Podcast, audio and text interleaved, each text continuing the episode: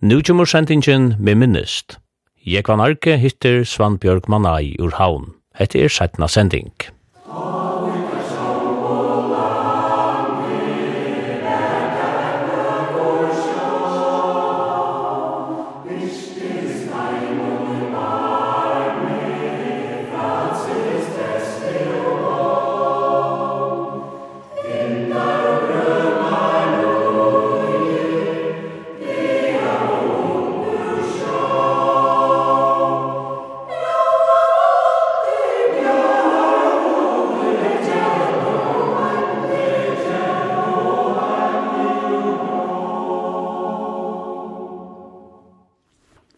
rådar upp av frimärkjadölden. Ja, det kan man säga. Det här senast tror jag viknar har vi över i skrivna. Och drøyna syrja fyrir att allt det materialet som kommer in att det sjálf sjálf bæði dokumenter och skriv, allt möjligt, nidlin myndleikanar och allt det som vi da finns inn av frimørstja oppgaven til å si alt det som listafølsene har var gjørst, originaler tekningar og skitser og brøv og røndar prent fra prentsmion og alt det. Det er fyller rettelig an jeg. Det har vi så sier vidt at senest tror jeg vikene skal være, så det er lagt å finne fram eisene. Og det ligger trygt og i en sånn brandskap. Her som vi tar gønslene i sjokken. Og det er i lukka vi er livet i. Og her mitt annet så finner man i mist. Jeg skal lese og lettjast her som det skal. Så det er tekene løte jeg gjør, men um, det kommer fram av et et brev fra en skåta som hei lysindur. Jeg takkon takka i fyrir alt han gåa tilfære som han fikk i frimersa tøynda blæn og tjokkon. Men han uh, fyllt seg sin dra av i overhøverskjøtt hatjarhylte The Friendly Occupation. Og til grunn av senna vil det bare det at alle disse 5000 hermennene var i vanene og ærastein i fyrrjon. Og det kunne jeg så bare gjøre noe rett ui, og jeg lovet inn så at uh, hvis vi funnet noen mynter som egnet seg, så ville vi tidspa det. Og det enda så vi at uh, vi funnet mynter, og Anker Eli, han var så fina gjerra hetta til en utgave, og det kom så tvei frimyrk på sørtøy. Så det er imisår som man fær at la fra og husko. Og det har vi vært göra takksom for. Det vi kunne ikke minnes til alt. Svanberg, du er stor havn. Ja, jeg er jo havn. Jeg er, som man sier, født i havn og oppvaksen i havn. Men foreldrene er bæja bygd. Papen min, han er ur Kalbak, Ingvard Vang, soner hans. Vang. Og han, han kom så til havnen også unker. Han uh, lærte til Timpermann. Tja Peter Gong, talte det der. Mamma min, hun er jo sjørveie. Andrea Vang, hun uh, var født uh, Davisen.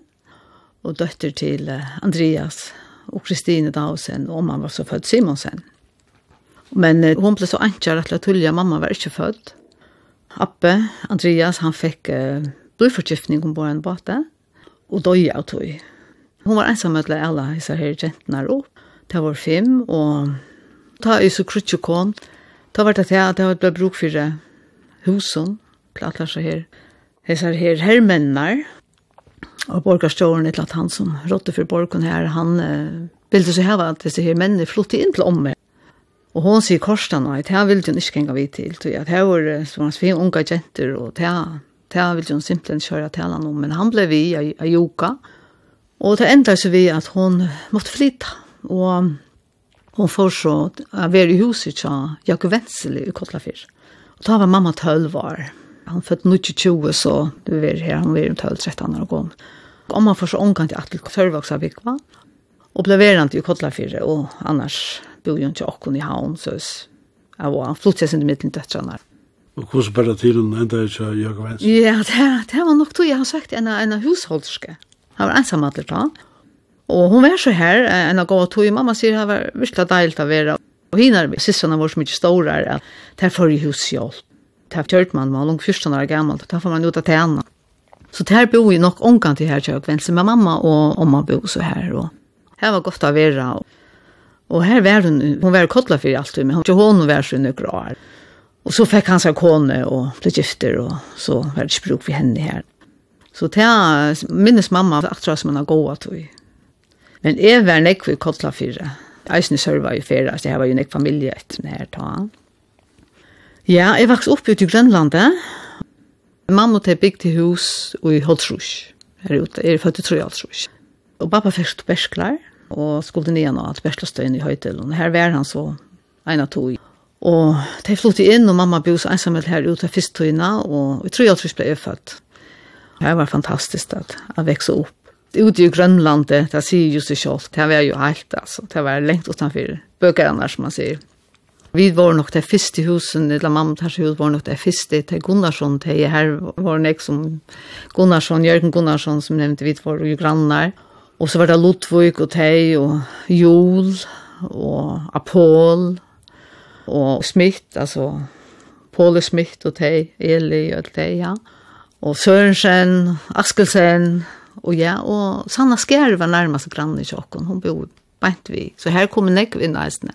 Så det bonte her, og Inga Rosa dødt Sigurd Johansen, vi var vinkoner. Her pratet vi til sitt av hun og hun. Det var fantastisk å vekse opp her. Det her var nekbød. Altså, vi var ute atlandein. Det var spalt, det var rumpølter, det var kombitt, det var krekblunta, og och alt det här vi var nästan slå få in man måste ropas in till måste och så så det var fantastiskt. Jag började i skola i Gola skola. Det var här nere vid Jansberg värsta eller här. Det yngst flokkene begynte här. Og her begynte jeg i skola, og ta jeg så får halvt i fjora flokk. da begynte jeg på Mosland. Det var størst at måter jeg var her ute. Så var det ungføren noen i kola skola, vi landet veien. Det ble bygd nok sånn jeg her sætni, altså utrusjonen. Jeg halte det, jeg har vært en nok stor smarkjenta, og her spalte vi et eller annet grunden som ble bygd der, og jeg minnes det at vi, vi klatra av alle stedene, og altså, alt hos helst så hendte ikke noe åhapp, men det kunne ikke hent okkur, så jeg var høyt da. Det var nekbøten her ute, det fylltes, vi var det første, men det var så økjøtt at det kom flere som bosettes her, det var nytt økje. Jeg minnes det ble det gengan igjen til Mikkjall i Grønland etter mjölk. Og trangene kunne være sin til forherreier.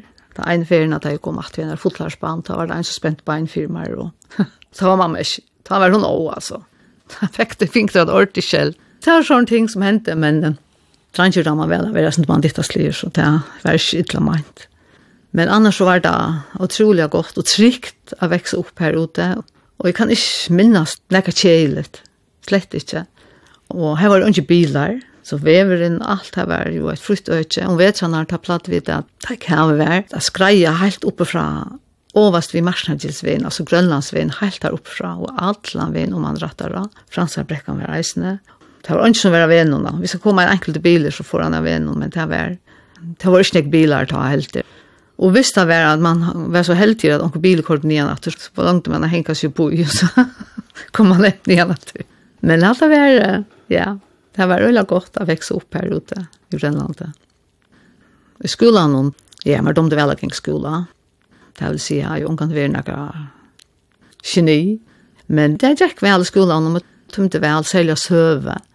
De tømte vel å råkne, og, og man fikk nekva viner, og man spalte sammen, og så svær man for Jan Svimmilen, det var rätt längt att gänga Jan Svimmilen, gamla Svimmilen. Jag älskar jag svimja, och godt enda vi hadde fått vær fra deg inn, og man har kjent noen korter där nu där skulle alt køyres, men man gikk, og så får man en svimja og det tok et land det er i og det er jo så lenge som man kunde platt jeg ner en gang svenka, og så man han vägen eller en plantasjene, som den nu la fire.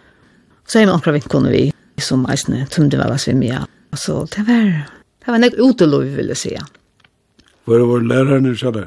Lærerne, ja. Jeg minnes Fron Olse, Hun var en god lærer, god lærer enda. Og Bjarni Holm, Sverre Jakobsen, Steingrun Niklasen, og Huskar, Ingrid Sonto, en som var håndarbeidslærer enda minst navn igjen nå. Ja, det var gode lærere, og synte strenger, og det var ikke disiplin, men det er, det man vänner till och ta nytta ikke unka för sin foreldre, hvis man finner ikke er skällt alltså det var grulig auktoriteter och läraren där det var jag utan att där sätter pötten på plås. Men det kan inte minnas det den där kan du säga att efter. Det har alltid inte att det det. Inte som jag minnes, det kan vara det jag glömt det, men eh, för allt i skolan fyra jag De tog alla tjeja lektier. Vi tog att jag gick i ånda förresten. Vi söv, det minns det. Och det var goda lärare. Det var uh, seriöser och bötterna, de, de har alltid respekterat det. Det är vi inte vi lärare nu. Så det handlar om skolatandlackningen. Magnus Jensen. Det var ikke stått litt. Jeg var til skoletannlagene. Men det var øyla god ordning. Bøttene ble hentet inn i klassen, og så inn i lakna her, i kjattlæren her i kommunslandet. Det har alltid vært faktisk rettelig godt. Så at, det rikket jeg vel, men jeg minnes det var jo kjøtt som tømte så vel tannlakna til. det var ikke pinfullt, det må man si. men um, tenner ble ordnet her, så det var det viktigste. Det var jeg til det, så det var i orden. Men ja, det var nek. Og skolagæren, han var fotler av lov da vi var utfrukasteren, og det var Robban og Geilan, og vi spalte og lakka i Paradise, og jeg vet ikke hva vi kjørte, og så det, og, og filmleikeren var reisende, den var ordentlig vel. Vi hadde filmleiker, ja, det passer, vi hadde Jorun, hun var jo norsk. Ja, ja, men hun var jo kona til skolatannlakmannen.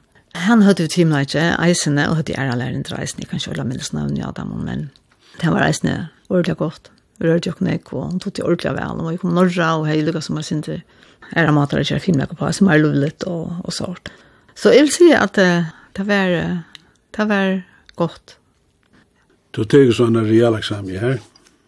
Ja, da jeg livet kjent da, så jeg stått ham til at jeg skulle ta en real eksamen, og det var så i baratjen her, så her lå her, ikke fra en kår, men langt nere. Her var vi, her var det vi tøtte jeg kan vi ånda. Her var så på sunder, så vi kom ikke gengt sammen med dem som namn, som det gikk sammen vi faktisk nesten ut lærerne, ja. Og så må vi få seg bare i 8. og 9. og 12. og Jeg enda så i allskolan og kom i, og jeg flokk sammen vi faktisk flere nå ikke nærmgån. Det var eisen spennende. Her gikk vi så tvei år. Så får vi det ut av Vennigersland. Han var nødgjør da. Altså vi som bor i Hesmen og Havna, Grønland, det her ut andre veien, landa veien og alle. Vi enda så her ute. Her var så aster er nærmgård som vi kom over sammen vi. Møvla gikk vi innan og tre flokkar ut. Det gikk nok tvei år alltid. Jeg var synd ørvis, jeg synd mer kanskje kan man kalla det friare. Jeg synd ørvis, skolen var store, nudger og godt plås, og her var det så Her Jensen mener jeg var rektor her ute. Og her hørte vi Paula Nilsen, fine lærere, gode lærere. Og her fink vi så æra lærere i snedet, og, og Hans Andreas Johansen, ja, han var sundutskilærere tjokkner ute ta, heisne en årlig god lærer. Og her var så eisne, og Hans Holm, vet vi det som kalles fysik ta. Så det var nytt og eisne ordentlig spennende å være her ute. Det var morgsanger, og jeg minns det her på det standet her, og i horen her, hvis man kom for sent, så ble man skriva opp til eisne, kom for sent til morgsang. Det var så i aulene ta. Det var jo eisne morgsang i kommunslandet. Ja. Her var mengan så heitt at flere svimma om jeg der stod oppi her. Tog jeg at tull i morgenen, og kanskje var man sju fire. Men ja, det var disiplin, og godt av gjenk skola, vil jeg si, ja. Og realskolen det han lever, hva han? I åttet var det appasistrar, som var fernar ny til Danmarskar, rettelig ungar, det var helt, helt ungar, 16-16 år gamle. Og der ble det vi ikke før, Masa, hun pleide å være ikke åpne i Grønlandet, minnes hon var en sånn fin dama, og hon kom ikke ned av loften, for hon er, hon er smukseret seg, som vi sier, og har var sett og alt. Og Inga, hon bor så ikke familie, og hon er familie, og hon, hon platt så sendt hon pakkar til jolar enda ned, vi sureblån, og til mølen gåen, og vi, og Jeg vet ikke, jeg har alltid haft en slags utlångsel. Jeg har dumt vel å ferast. Jeg var omkant i ferast som barn. Jeg var utjabygd. Jeg var negg utjabygd. Jeg var i Kotlafire, sommerferien og i Kalbakk og i sommerferien. Og man har alltid domt vel at vi er, ja, vi er i Erhastene, vi er sjølva i hver Eisenek, og vi tøtja, og, og vi spalt, og vi var nere i Sjåarmalan, og vi fiskar i bæg flyer, og kompik og alt mulig annet, og det var øyla stortlet, og de var øyla vel. Og så har jeg sysken kommer vi i eisen, jeg var jo eldst av seks sysken som jeg er nok at, at tro var i, det var bare kjent og Mamma hei jo så en ting som hun skulle ordna og gjøre, og det var nekva gjøre, alt ble bunt jo på ein, og seim og på ein, det var så som man bare for ut i alt da. Så at jeg minnes det var en vinkona som er som var en av baden, og hun, hun, vi skulle alltid spela, hun sier, men kan omgande spela noe annet til enn mamma bøtten, Så hon var så irriterende, og sier, sier ikke med mig skulle jag. Han var vimmar alltid där i förhållande och vi skulle spela. Men mer långt vel å passe min syskon så det var genera ikke med. Men det er sånne sommerferien, det er var kjoltan i havn.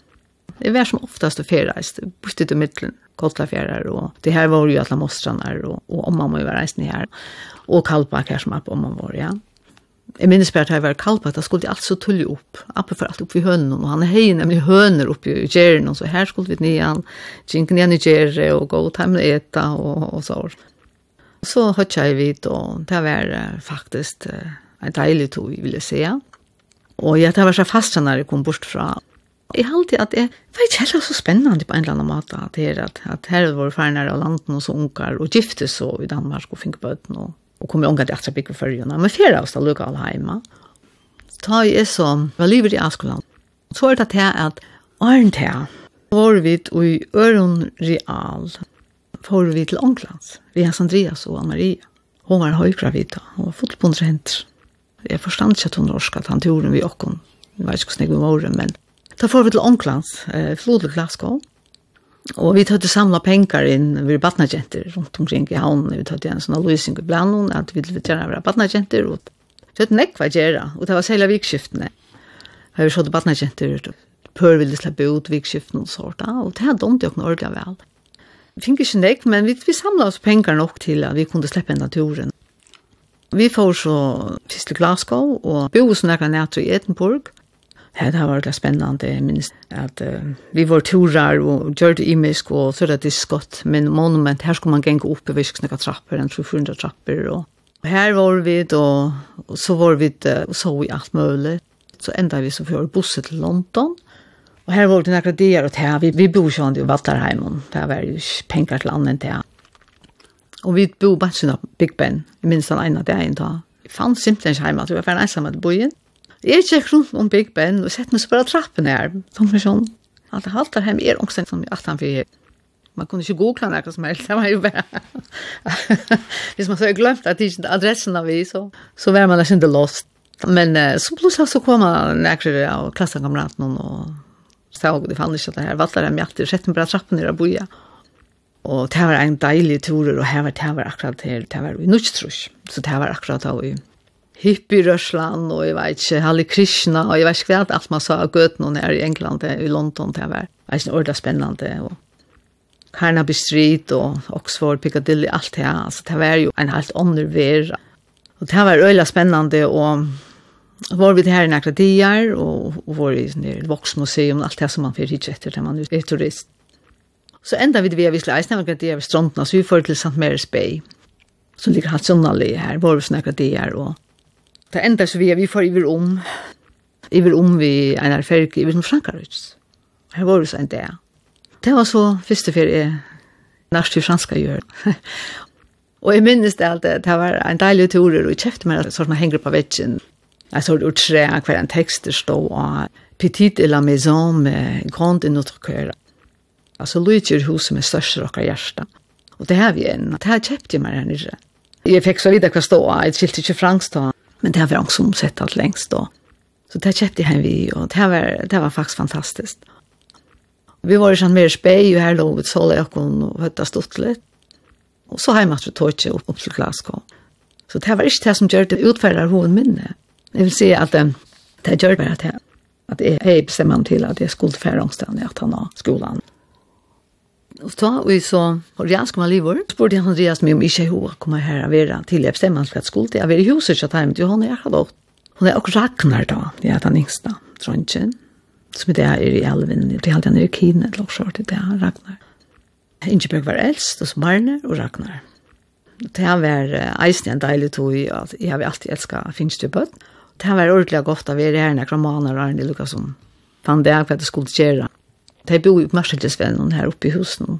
Bant i vers Alexander og Teimen her, står husen her, og tatt jeg en gang til mamma og teg, kjem brekna av Taimon. tatt om det vel av her. Det kallte henne for lad om at hun gav dem alltid årsøyt. så var det til at så skulle sankor i Ibneser til Englands. Hette var bare om til at togene ta og i Olukan er vi i Holfjers. Så var det minnes det, vi, vi vant å ta ångstene, og vi tar ikke steder, og det var sånn forferdelig, og ja, det var øyla trist, ja. Og vi vant, og så kom min tur nummer tve til Ångland, så flo vi her til Glasgow, og så var Aberdeen, der var vi nok sneg, enda så eisen i London, hver vi sunket på ja, fiskamarsna og alle mulige stedene, og vi så imenskene samkommer, og vi var jo i sjånvarpen, og vi var jo i løven, og så, i Aberdeen det var eisen en ordentlig god turer, og vi tatt det stått litt, og minst av busseren da vi kørte om han til London til kvølte, ur Aberdeen, da stekket igjen opp. Så vi måtte inn i en garasje, og her vi kom ikke fram for en for når jeg var ikke måtte måtte ned alltid til London her som vi skulle bygge. Det var som mine første turer til utlandet. Ikke vi i Danmark eller når jeg går til at det, det var ikke vanlig at man får affærest til utlandet. Jeg var jo bare 16 år eller 16 år så var det Sjans Andreas, men så var det til at uh, jeg alle kanskje å få omkring vinkene vimmer ut av landet noen og ikke fjerde ensamme, men det ble ikke til når jeg går til. Jeg får til Tysklands først. Det var så løser at i dimmeletting da sa jeg at en førsk kvinne søkte en hushjelp i, i München. Hun var førsk og gitt vi amerikaner. Han var her noen, og jeg søkte. Og jeg fikk det jobbet. Hun åtte flere bød. Og hun er jo bruk for en som skulle gjøre rent og passe bøttene og Hon var heimagrengande, men sjående hon hei jo nekva gjerra. Så jeg har sagt, jeg får seg her til, uh, i en halv fjers, ja, i en halv fjers, nå er ikke for til Englands, og er andre turen var halv fjers, ja, så var det sjansen til jeg snakker om han Og for i en halv fjers, og her var det et år. Samson som jeg lærte meg mer av tuks, tuks hei, jo lærte sin til skolen, tror jeg, fyra, fem år, ja. Her var det et år, og, og så får jeg alltid til følger, ta nu vet jag inte henne så han han tog sig ju amerikansk så här lärde så kunde ju lucka som styrka mot enska i sin egen där.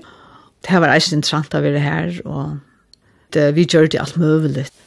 Vi var runt och hon var öl energisk så som hade sån ett på så runt och samla kläder in till folk som ganska inte hade så näck och vi tog gärna på vi runt och vi går runt vi och samla kläder in och hon runt och hjälpa imsa stäna Og settene så vet jeg at hun enda så at uh, hjelpa i fangselen nesten, ja, for at hos av folk som var i, i fangselen og så.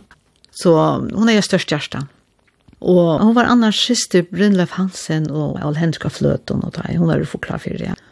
Så får vi fra henne ta i et år, og får hjem til følger av hver og nøkra måneder, til jeg fann og det, og at jeg så skulle til Atlan Martel Frankarutjes, det var Atlan planen. Arbeidet på Kalan nøkra måneder, måtte tjene sine penger, tog jeg at Det var jo ikke gratis å reise så leis. Og så var det til at jeg søkte via KFK i Danmark. Da var det at enda her Frans Valsson søkte en av jente til å passe Johnson som var tjej er.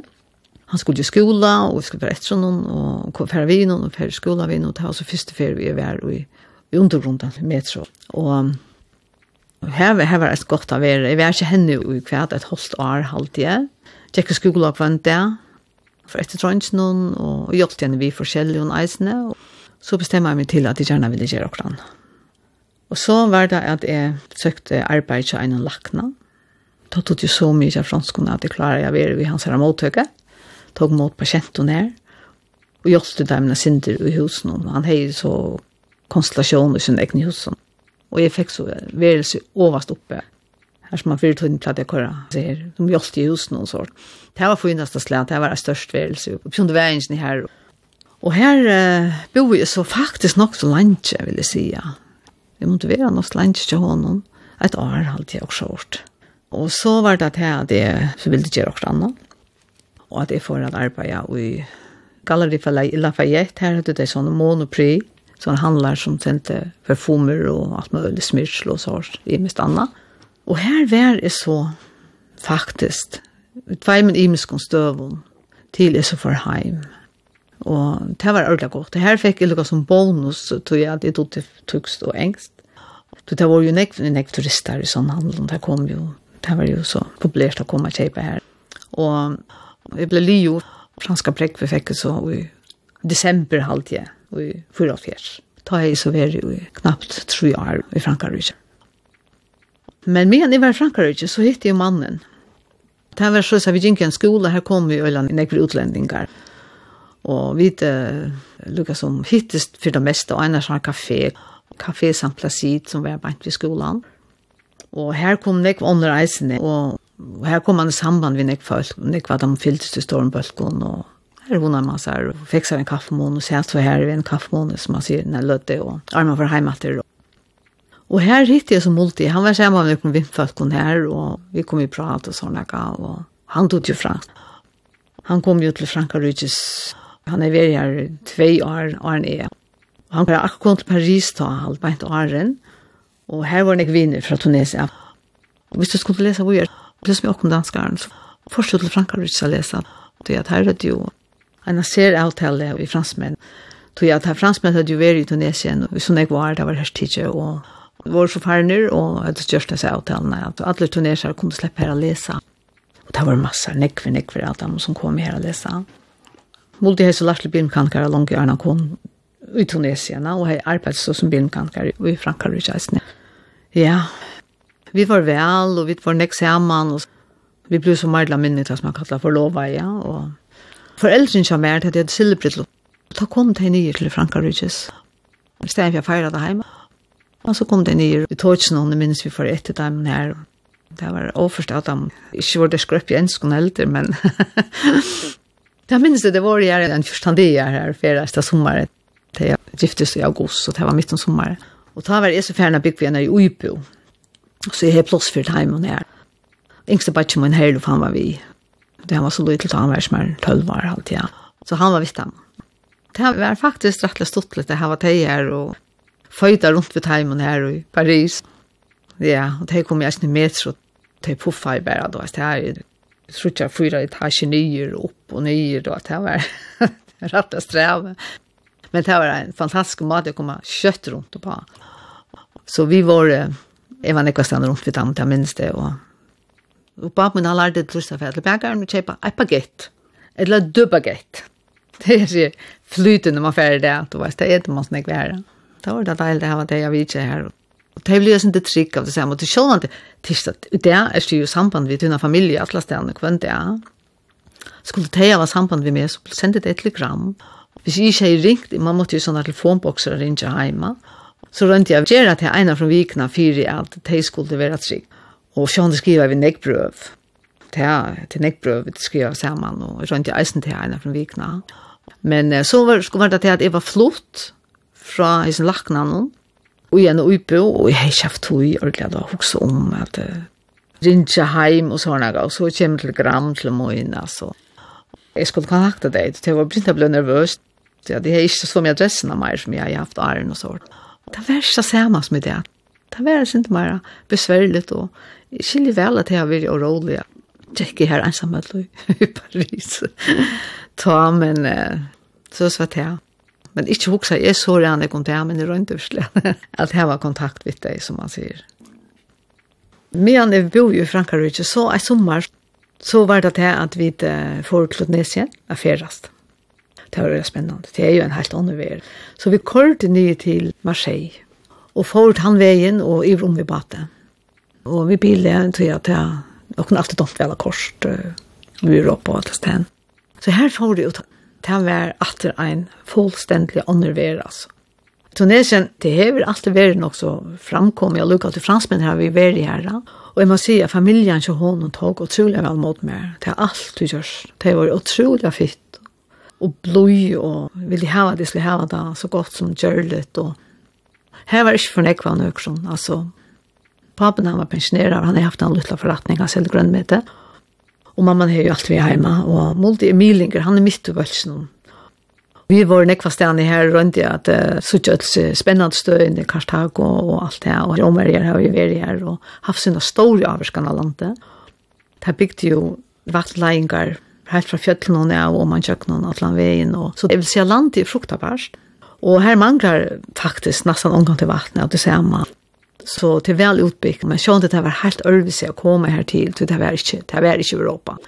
Det var egentlig ordentlig spennende, og jeg og Fransva som var forlovet ved Hinobacha Multi, som eisen bor vi i Frankrike, han var ingeniør, det var vi og hun.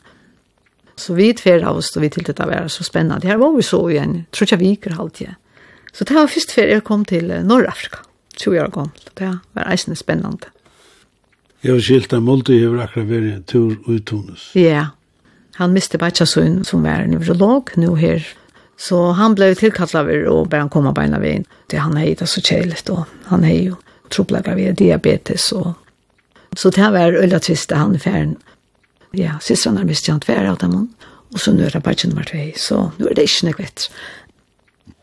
Ja, och ena för var uppe i i Paris. Ja, ja det var det. Og i januar og i 5 Ta kom vi heim, og ta heim og så. Jeg har gjort at han skulle komme vi. Om ikke annet, så ikke akkurat. Gustav er, og han helt så at det var Danmark vi tog seg om, han visste ikke ordentlig at altså, det er vi følger, det er jo ikke så kjent som det kanskje er i det, så han kom et helt annet sted enn han råkne.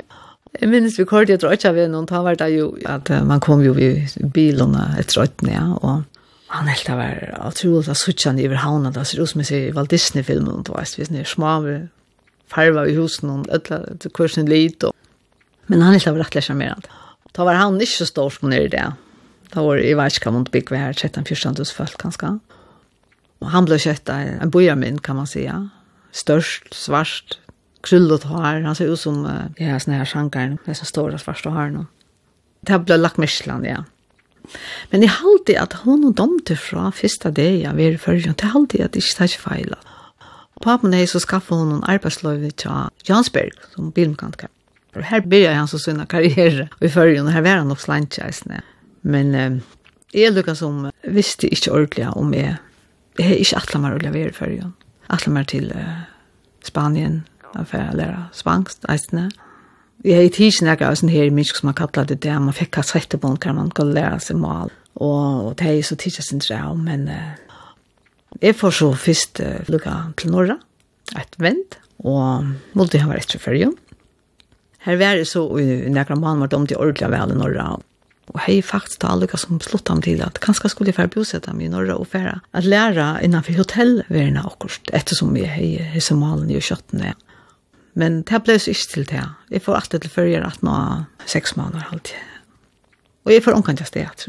Da er det så at mitt liv byrjar av frimersedeilene tja postversen. Og det har jeg så ikke atlet mer av det blivet, men jeg lover jeg kommer og som sagt hjelpe til. Her byrjar jeg min karriere, og her, her enda jeg en sveist. Jeg har skilt av lennom at uh, det var landkjøren der finket det til å søke. Nå er det at jeg i Miller tog så ble jo selv født, døtteren. Da er det jo ikke så nevnt at færa og færa snakker stedene. Det var Anke Nilsen, han var ta værastjore, var Vestjore, ja. Og han var reisende revisor, han var jo fantastisk i tøl og alt. Han kom på en mann og spyrir ham. Svampjørg, nu skal du fast en sætus. jeg sier, nei, nei, boja sindre enn, boja sindre enn. Men ta jeg så jeg var jo i nekra måneder, kanskje 28 måneder, ta han tok seg i nei, Nå. Nu må jeg heldig ikke iver, det var skarven iver, så, så jeg takkar jeg. Så han ble min lakna, Men jeg skal si at jeg har vi omgang til enkra. Jeg har haft et fantastisk arbeidsblått. Jeg har jo nesten glett meg til hva eneste det. Det er veldig ordentlig godt å være her, og her er det sånn rannig spennende. Eisen tog at mitt arbeid var jo så utrolig spennende at det må reise hoved, som man sier, er ferdast. Jeg ble jo mettet, tog at jeg fikk jo til oppgave at ferdast rundt til framsynninger og funter, fire postverste, og, og mer har vi alltid annet til ordentlig vel, og det är så otroligt när jag kontakter och bonsambon som han finner ikke. Det är så årene at att Jag kan nesten fjerde alla stedene jeg fjerde, så ser jag det färja vidare hantan och hantan och så man känner folk alle stedene. Hvor så hvor jag komst då?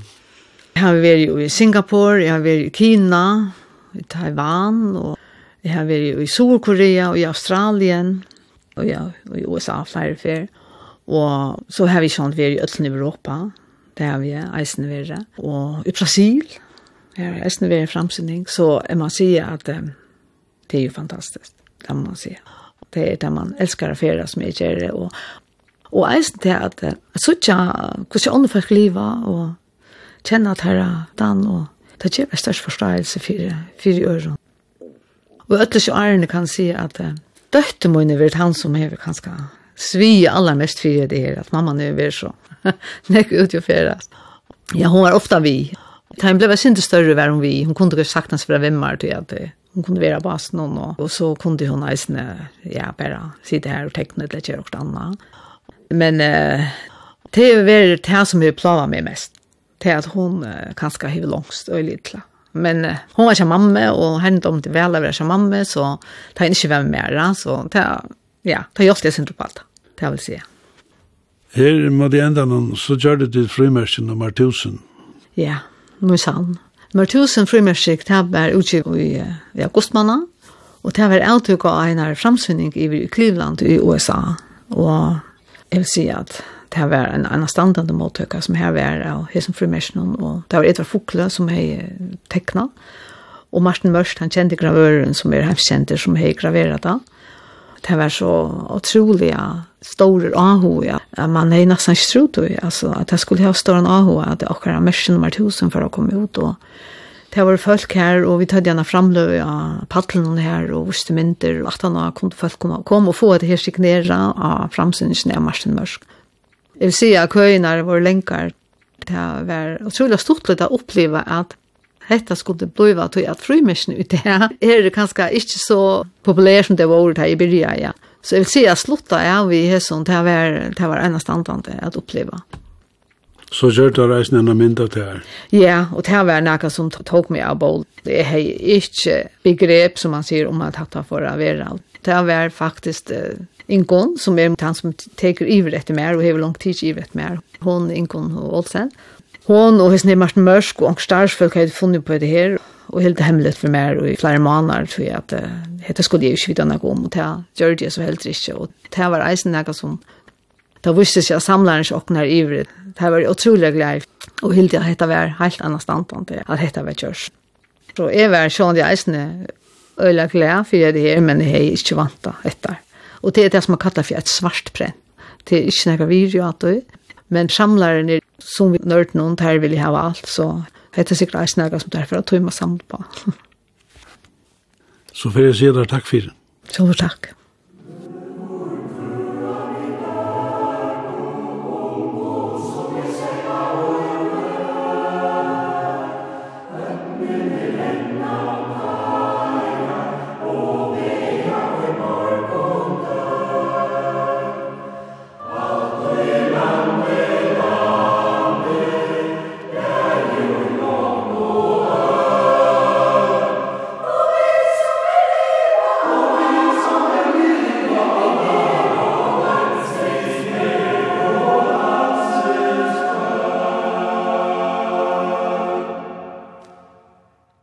i sendingene med minnest hittir Jekvan Arke Svanbjørg Manai. Hetta var sending.